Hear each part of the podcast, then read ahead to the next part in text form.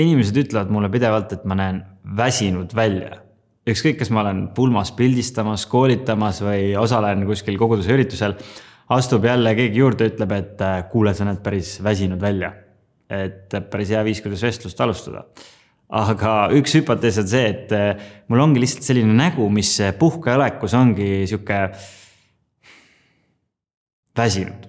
aga praegu sa ei näe seda, sest et mulle siin stuudios tehti väga kvaliteetne meik, thanks teile. ja ma ei tea, milline on sinu nägu ja kas sa seisad silmitsi sama probleemiga. aga võib-olla sul on üks palju suurem probleem, et sa ei näe lihtsalt mõnikord pildi peal väsinud välja, vaid sa oledki väsinud, pidevalt. minu nimi on Valdur ja olen üks 3D koguduse kogukonna juhtidest. talv on tulekul, talv on tulekul ja seega me alustame täna uue seeriaga Eluraskused ja tänase kõne pealkiri on, et kui elu läheb kiireks, järgmises osas räägib Eeva Sikemäe sellest, et mida teha, kui sa tunned ennast üksi. ja, ja viimases osas jagab Lisette mõtteid selles, et kui sõprus muutub keeruliseks. kahe tuhande neljateistkümnendal aastal juhtus mul see, mis tundub olevat reaalsus väga paljude inimeste jaoks, võimalik, et ka sinu jaoks. ja see oli see, et elu läks liiga kiireks. pildistasin kakskümmend kaheksa pulma, õppisin täisajaga Tartu Ülikoolis psühholoogiat ja panustasin vabatahtlikuna koguduses. aga kõike seda oli korraga nagu liiga palju ja Johanna, kes oli tol ajal mu tüdruksõber, mäletab, et mul oli ikkagi vahel aega temaga telefonis rääkida, aga teema oli alati üks, et tööd on liiga palju. ja, ja tegelikult tagantjärgi ma näengi, et ma olin läbipõlemise äärel. kas sina oled praegu sarnases olukorras? Stress kasvab, kohustusi on liiga palju. sa ei naudi enam neid asju, mida teed ja võib-olla sa oled lihtsalt kõigest nagu väsinud. ja võib-olla sa ootasid seda puhkusereisi, aga see ongi nüüd läbi. võib-olla sa lootsid, et kui see projekt või see periood või see semester saab läbi, siis lõpuks läheb rahulikuks, aga siis mingid uued asjad tulid peale, kõik läheb samamoodi edasi. ja mingil hetkel võib tunduda, et ma ei saagi midagi teha, elu lihtsalt ongi selline nagu kiire ja väsitav ma tahan anda sulle lootust, sest ma olen veendunud, et kõigele vaatamata on võimalik leida hingamisruumi. mis see on?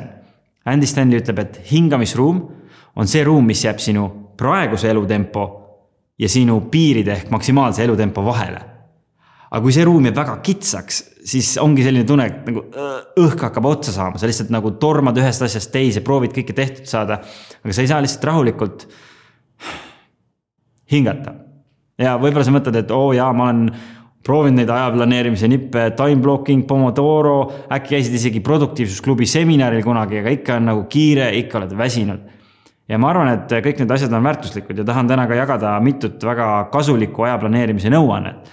aga võib-olla sinu probleemi tuum on kusagil sügavamal ja ükskõik, kas sa oled kristlane või, või mitte, kui sa soovid teada, miks sinu elu tegelikult nii kiireks kogu aeg läheb ja kuidas päriselt hingamisruumi leida siis kuula edasi. piiblis Efeslaste viiendas äh, peatükis, viieteistkümnendas salmis kirjutab Paulus nii. vaadake siis hoolega, kuidas te elate, mitte nagu arutud, vaid nagu targad, kasutades aega õigesti, sest päevad on kurjad. seepärast ärge olge rumalad, vaid mõistke, mis on issanda tahtmine ma usun, et Jumal on kinkinud meile kõigile väga-väga suure vabaduse me saame nii palju ise valida ja otsustada, kuidas me oma äh, aega kasutame ja kuidas me elame. aga äh, tundub, et tihti me unustame selle ära ja võib-olla teeme mitmeid asju lihtsalt sellepärast, et me oleme harjunud või et teised nii teevad. aga Paulus kirjutab piiblis, et kui me vaataksime, et ta kirjutab, et me vaataksime hoolega, et kuidas me elame ja me kasutaksime aega õigesti ja see on üks põhjus, miks mulle see aja planeerimise teema on aastaid nii palju põnevust pakkunud.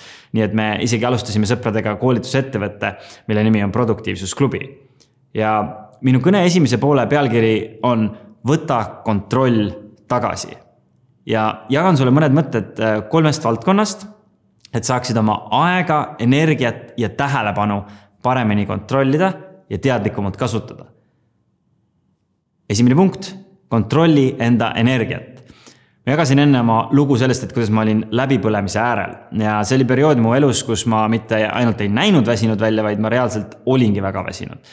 sõitsin öösiti pidevalt nagu ühest pulmast teise, tegin eh, hilisõhtuti tööd, magasin hästi vähe, sest tundus, et aa, nii palju on teha, pole aega magada.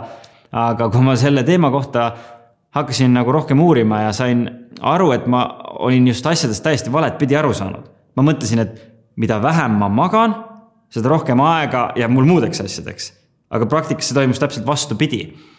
mida vähem ma magasin, seda unisemaks ja seepärast vähem efektiivsemaks ma muutusin ning seda vähem asju, vähem asju ma sain tehtud ja seda mõistes ma hakkasin und väga kõrgelt väärtustama ja planeerisin nii, et ma saaksin igal öösel kaheksa tundi und.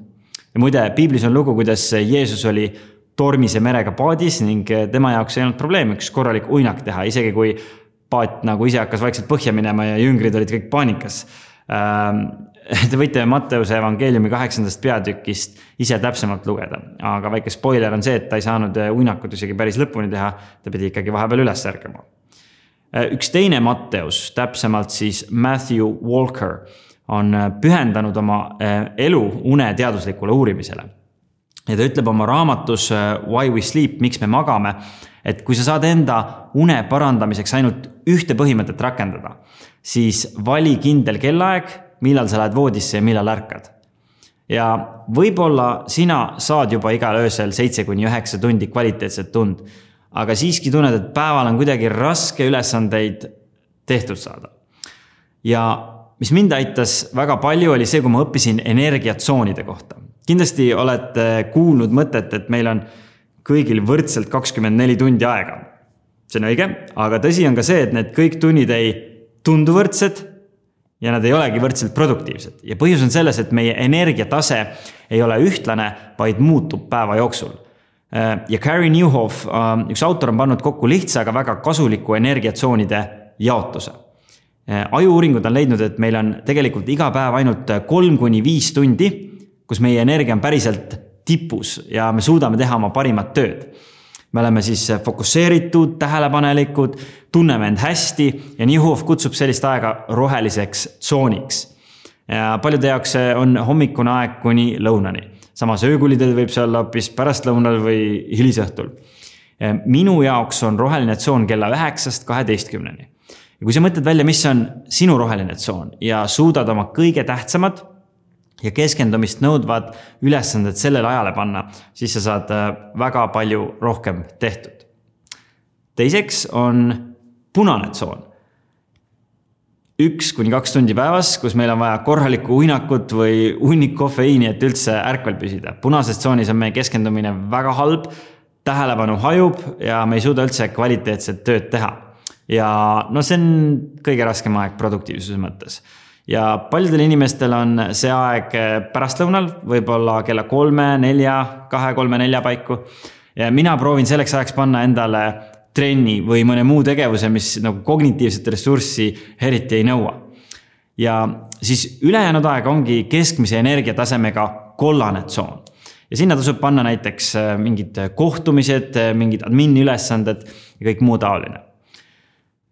punkt number kaks, kontrolli oma aega kahe ettevõtte juhina ja kahe väikse lapse isana ma olen aru saanud, et töö ei saa kunagi otsa. alati on rohkem ülesannet, ülesandeid, kui ma jõuaksin ära teha ja varem ma lihtsalt proovisin, et äh, äkki ma jõuan siis need kiired asjad tehtud ja siis lähen nende oluliste asjade juurde. aga selle tagajärjel juhtus see, et ma tegelesin päev otsa mingite probleemidega, mingite kirjadega, väikeste ülesannetega. ja samal ajal tihti tahaplaanile jäid just kõige, kõige tähtsamad valdkonnad elus nagu suhted, olulised isiklikud eesmärgid, enda eest hoolitsemine. ja hästi laias plaanis võiks inimesed jagada kaheks selle põhjal, kuidas nad oma aega planeerivad ja ma tutvustan neid kahte ja sinu ülesanne on siis mõelda, kumb ajaplaneerija oled sina? esiteks, reaktiivsed ajaplaneerijad. see toimub nii, et sul on olemas mingisugune to do list, kuhu sa paned nagu mitmed asjad kirja, mida sa tegema peaks. Kui sa ei ole siis parasjagu kuskil koosolekul või loengus või kusagil, siis sa nopidki sealt asju, mis tundub, et äkki nüüd võiks teha samal ajal taustal on äh, tihti lahti Messenger, Gmail, Slack või hoopis mingi sotsiaalmeedia äpp. ja sa proovid seal nagu olukorda jälgida, et midagi sealt olulist äh, märkamata ei jääks ja vahepeal siis vastad inimestele. siis teed jälle erinevaid, aga enamasti pigem nagu siukseid lihtsamaid ülesandeid oma to do list'ist ja, ja, ja mingitest kirjadest siis, mis on sisse tulnud ja õhtu lõpuks äh, on tunne, et tegid nagu päris palju tööd, aga kui sa pead välja tooma, et mida olulist sa saavutasid, siis nagu väga ei oskagi öelda.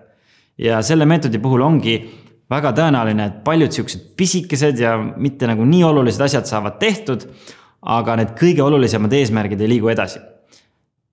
teine kategooria on proaktiivsed ajaplaneerijad, see tähendab, et sa lähened oma ajale teadlikult. Sul on prioriteedid, mis on eesmärkide või projektidena sõnastatud Äh, sa oled kirja pannud ka konkreetsed järgmised sammud, et nagu nende eesmärkide poole päriselt liikuda. aga sa ei proovi neid äh, nagu ülesandeid teha juhuslikul ajal, vaid sa oled strateegiliselt loonud kindlad plokid päevas erinevat sorti ülesannete jaoks, mis äh, põhinevad sinu energiatsoonidel ja mida see võimaldab, see võimaldab sul olulisi projekte päriselt nagu jõuliselt edasi liigutada ja samal ajal jätta siis piisavalt aega selliste kiireloomuliste ülesannete ja kommunikatsiooni jaoks. kumb oled sina? ja mina ühel, ühel hetkel sain ise aru, et ma olen ikka väga sinna reaktiivse ajaplaneerija poole kaldu, kui ma tahan tegelikult oluliste asjadeni jõudma, siis mul peab olema keskendunud aega igal nädalal, et päriselt nende kõige olulisemate projektidega tegeleda. ja ma hakkasin oma kalendrisse rohelise tsooni ajaks planeerima sügavtööblokke ja ma kasutasin seda aja blokkimise meetodit ka isegi isikliku elu jaoks. näiteks kui Saara oli väiksem, siis ma planeerisin äh, päeva keskel Saaraga mängimise ajad kalendrisse, nii et mu naine võis äh, olla kindel, et ta saab sel ajal enda aega võtta, näiteks trenni minna. Ja punkt number kolm, kontrolli oma tähelepanu. kujuta ette, mis juhtuks, kui super hästi organiseeritud ettevõtted palkavad tuhandeid väga intelligentseid ja ülimotiveeritud töötajaid, et saavutada ühte eesmärki. luua rakendus, mis püüaks kinni sinu tähelepanu, et müüa see teistele ettevõtetele maha, kes oma reklaame nendel platvormidel jooksutavad. ja see on täpselt see, mida Facebook, Instagram, TikTok ja kõik teised sotsiaalmeediaplatvormid sinuga teevad. ja neil on see õnnestunud. viis koma kaks miljardit inimest kasutab nutitelefoni ja keskmine kasutaja teeb äh, telefoni lahti sada kuuskümmend korda päevas. jama on lihtsalt selles, et samal ajal üks äh, California ülikooli uuring leidis, et meil kulub keskmiselt kakskümmend kolm minutit, et pärast segamist uuesti ülesandele nagu täielikult keskenduda.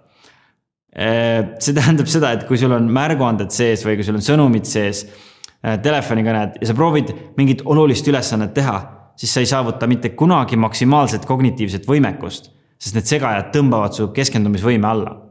ja põhjus on selles, et sellest ühest, ühe ülesande pealt teisele ümber lülitamisega jäävad meile niinimetatud tähelepanu jääknähud eelmisest ülesandest. ehk siis mingi osa meie ajust tegeleb selle meiliga veel edasi kümme minutit, mida me nägime, kuigi me juba proovime tükk aega mingit järgmist ülesannet teha.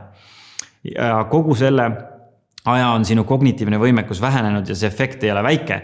ühes Londoni ülikooli uuringus leiti, et see võib olla hullem kui töö tegemise ajal kanepit suitsetada. ja seepärast sa saavutad keskendumises väga-väga suure edu, kui sa julgelt päriselt oma telefoni teavitused välja lülitada ja keskendumise ajal telefoni do not disturb režiimi peale panna. ja loomulikult on teisi segajaid ähm, võib-olla sa pead äh, mingeid kokkuleppeid sõlmima oma kolleegidega, et nad ei segaks sinu keskendumist mingitel kindlatel aegadel. või leidma endale koha, kus sa saaksid segamatult sügava töö aega võtta. aga oluline on see, et sa väärtustaksid oma tähelepanu, mitte ei laseks seda lihtsalt nagu raisku.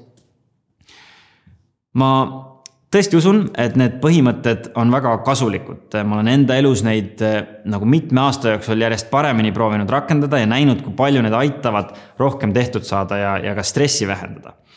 aga võib-olla sa oled punktis, kus eh, sa lihtsalt tunned, et oh, sa oled nii väsinud ja stressis, et sa ei suuda üldse mingeid uusi asju katsetama hakata.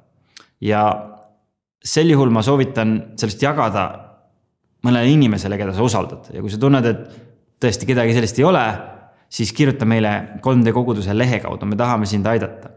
või vastupidi, äh, võib-olla sa oled aja planeerimises juba väga hea, aga sa tunned, et äh, sa oled ikkagi ülekoormatud. ja kui kõne esimese poole nimeks sai võta kontroll tagasi, siis selle teise poole nimi on anna kontroll edasi. miks on nii, et sa ütled jah kogu aeg asjadele, millele sa tegelikult peaksid ei ütlema? miks sa võtad vastu veel ülesandeid, kui taldrik on juba ääreni täis. kui sa tead, et sinu väsimus ja stress on põhjustatud sellest, et sul on liiga palju korraga käsil, miks sa siis ei ütle lihtsalt rohkem ei, ei puhka rohkem? ma annan sulle nüüd ühe vastuse, mis sulle tõenäoliselt ei meeldi. põhjus on selles, et sa oled ori. sina oled ori, mina olen ori. me oleme orjad. ma selgitan. Iisraeli rahvas oli olnud nelisada aastat orjad Egiptuse valitsuse all ja kui Jumal andis neile kümme käsku, siis üks esimesi käske oli hingamispäeva pidamise kohta. kuus päeva tee tööd, üks võta vabaks ja viiendas Moosese raamatus viieteistkümnendas peatükis ta põhjendab ja pea meeles, et sa olid ori Egiptuse maal ja et issand su jumal tõi sealt sind välja vägeva käega ja välja sirutatud käsivarrega. seepärast on issand su jumal käskinud sind pidada hingamispäeva. ja kas sa panid tähele, et jumal seob siin nagu selle orjuse ja puhkuse temaatika? Sa olid ori ja sa ei saanud puhata. nüüd sa oled vaba ja sa saad puhata meie ei ole vabad, kui me ei suuda tõeliselt puhata. me oleme orjad, keda valitseb meie enda vajadus olla edukas, võib-olla see materialistlik ühiskond, võib-olla mingid tööandjad, kes tahavad, et me lisatunde teeksime või, või vanemate ootused, võib-olla hoopis kõik eelnev kokku. ja viimaste aastatega on see ainult hullemaks läinud, ma ei tea, kas sul on sama juhtunud, aga vahel, kui ma Facebooki või Insta feed'i rullin, siis ma näen, kuidas inimesed, nad nagu suudavad kuidagi nii palju, tundub teevad nii palju, tekib kadedus. näiteks kui ma näen mõnda Eesti fotograafi, kelle pilt saab rohkem likee ja kommentaare kui minu pulmafotod, siis tekib selline kuidagi tugev sisemine surve, et ma pean nagu neist parem olema.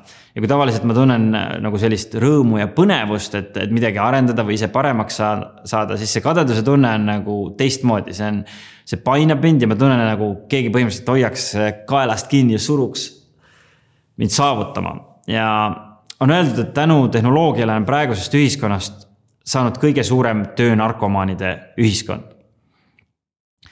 Pastor Timothy Keller selgitab, et lisaks sellele, mida me tavapäraselt nimetame tööks, meie kohustused, projektid, ülesanded, selle all on peidus veel üks töö, mis takistab meil tegelikult puhata.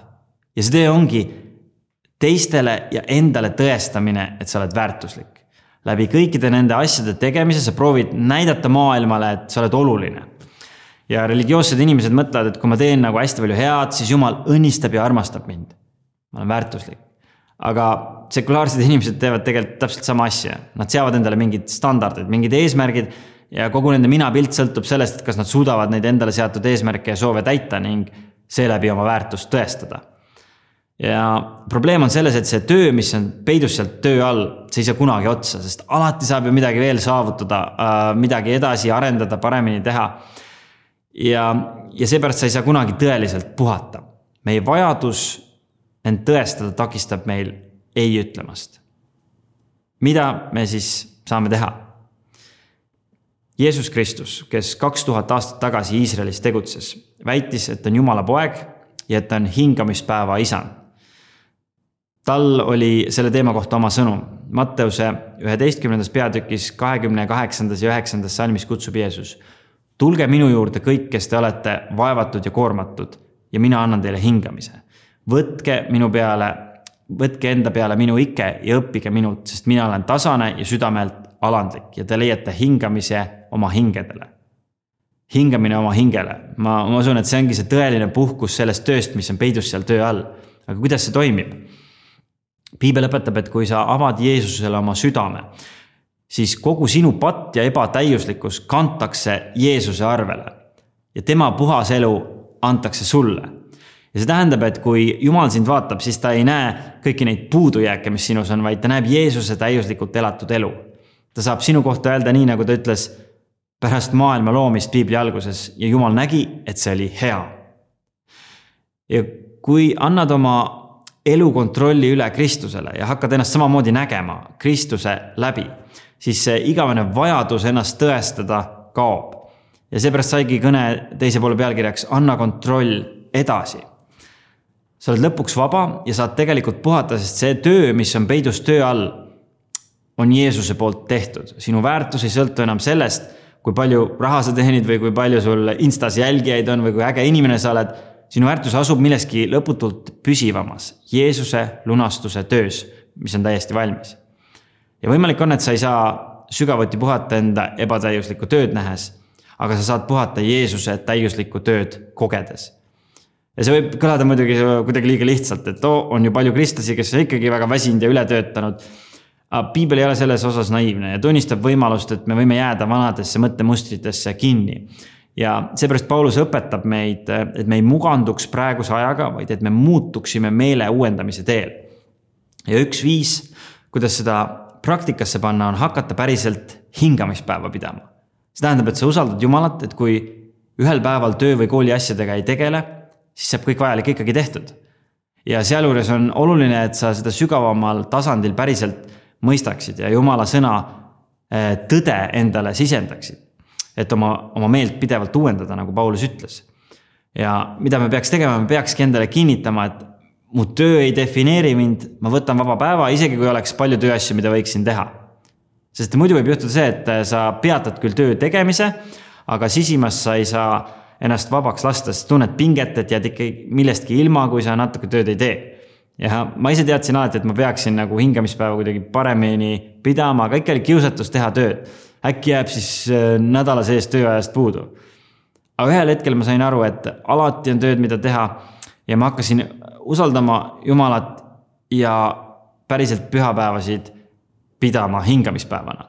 ja kui sina oled sarnases olukorras, siis äkki sinul on täna see otsustamise koht ja rääkisime, et kui hingamisruumi aega napib, siis pead kontrolli enda elu üle tagasi võtma. kui sa õpid arvestama oma energiatsoone, sa investeerid kvaliteetsesse unne kontrollid oma energiat.